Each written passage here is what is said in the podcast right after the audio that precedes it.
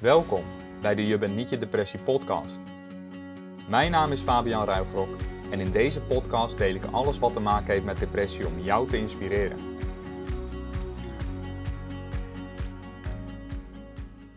Hey lieve jij, ik eh, wandel op dit moment eh, even door de bossen en eh, dan ga ik over de duinen richting het strand van Rokanje. Voor degene die me al langer volgt, die weten dat ik in een tiny house woon aan het strand op 500 meter. Dus regelmatig doe ik ochtends even lekker een wandeling. En in deze podcast wil ik iets met je delen over de positieve intentie van depressie. Uh, ik loop heel even een duin omhoog.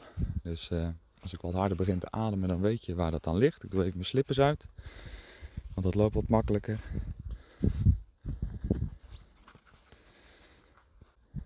En tegelijkertijd kun je dan ook lekker aarden.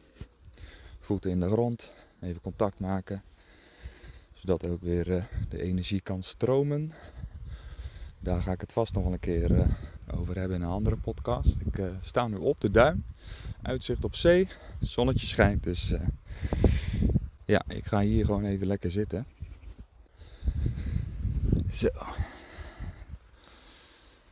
In deze podcast wil ik het hebben over de positieve intentie van depressie. En um, ik hoop dat je aan de hand van mijn ervaring meer inzicht krijgt in waarom je de dingen die je doet, doet. En ik weet nog goed, tijdens de derde coachsessie uh, vroeg uh, mijn coach aan mij: Fabian, wat is de positieve intentie van depressie voor jou? Ik keek haar verward aan en ik herhaalde haar vraag een beetje lacherig, zo van: hè, positieve intentie van mijn depressie. Maar er is toch helemaal niks positiefs aan depressie? En toen antwoordde zij: Jawel, want anders zou je het niet doen. En ja, een beetje verbaasd dacht ik erover na. En toen stelde ze nog een vraag. En ze zei: uh, Als je je depressie voelt, wat ga je dan doen? Ik zei: Ja, dan ga ik naar boven.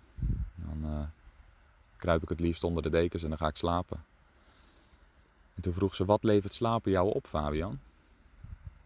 En ik zei: Ja, dan hoef ik me niet rot te voelen en te piekeren. En wat levert je niet rot voelen en piekeren je op? ja, dan hoef ik niet te denken, dan hoef ik niet te piekeren, dan hoef ik niet te malen, dan heb ik geen negatieve gedachten. Dus wat levert het mij op om niet uh, te piekeren en om me niet rot te hoeven voelen? En toen zei ik, ja, daar heb ik rust. En toen zei ze, kijk, dat is de positieve intentie van je depressie, rust. En ze legde mij dat proces uit. Want ja, als ik dan naar boven ga en ik kruip onder de dekens en ik ga slapen, dan hoef ik dus niet te voelen. En dan hoef ik dus niet te denken en te malen en te piekeren. En dan heb ik rust. En toen werd ik me bewust van de positieve intentie van mijn depressie. En ehm, toen kon ik op onderzoek gaan. Want ze zei: Je hebt je depressie niet nodig om eerst rust te krijgen. Dus je hoeft je niet eerst depressief te voelen voordat je rust kunt gaan creëren. En ehm, ja, toen kon ik op onderzoek gaan naar wat mij nog meer rust brengt. Zonder dat ik me daarvoor dus eerst depressief hoefde te voelen.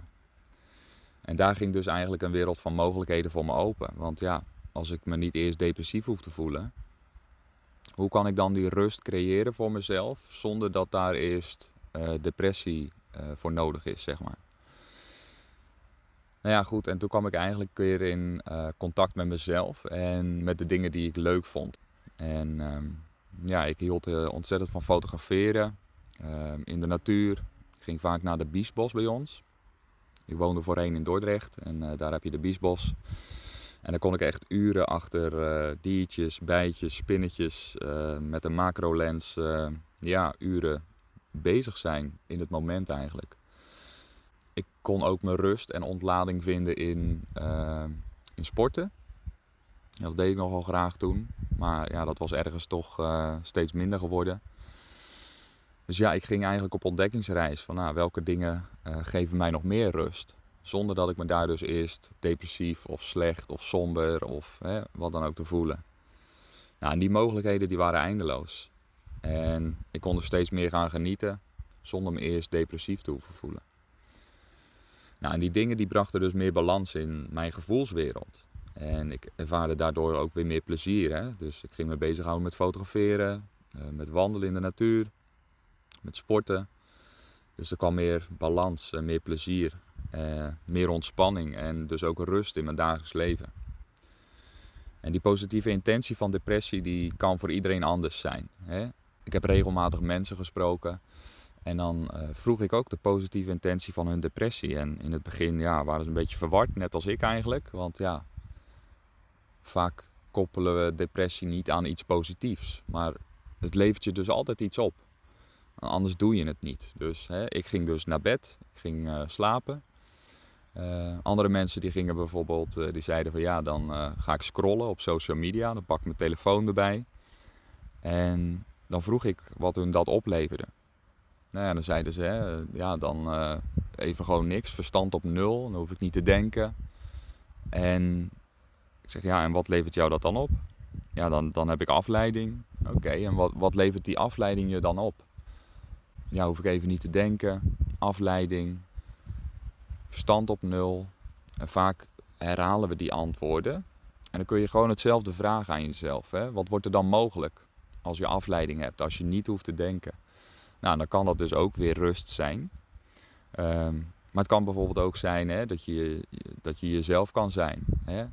Als je bijvoorbeeld uh, je emoties, als je niet gewend bent om je emoties te uiten. En je trekt jezelf even terug. Hè? Je zondert je af. En uh, misschien kruip je ook in bed of op de bank of onder de dekens. En dat je dan uh, gewoon even mag huilen. Hè? Omdat je ergens schaamt voor je verdriet. Ga je je verstoppen of terugtrekken. En dan kan het zomaar zijn ja, dat je daar gewoon je emoties kan laten zijn. Dus dan hoef je die maskers even niet meer op te zetten. En ik ga vast nog wel een podcast wijden aan maskers opzetten. Want dat doen we als mens allemaal. We hebben allemaal bepaalde maskers om te overleven, hè, om verder te komen. Nou ja, terugkijkend zit er dus achter ieder gedrag een positieve intentie, want anders zouden we het niet doen.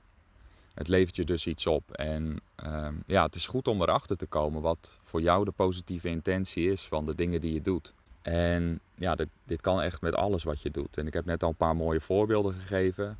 En misschien kun je hem zelf gewoon eens voor jezelf uitvragen. Van wat is de positieve intentie van depressie van mij? En wat ga ik op zo'n moment doen?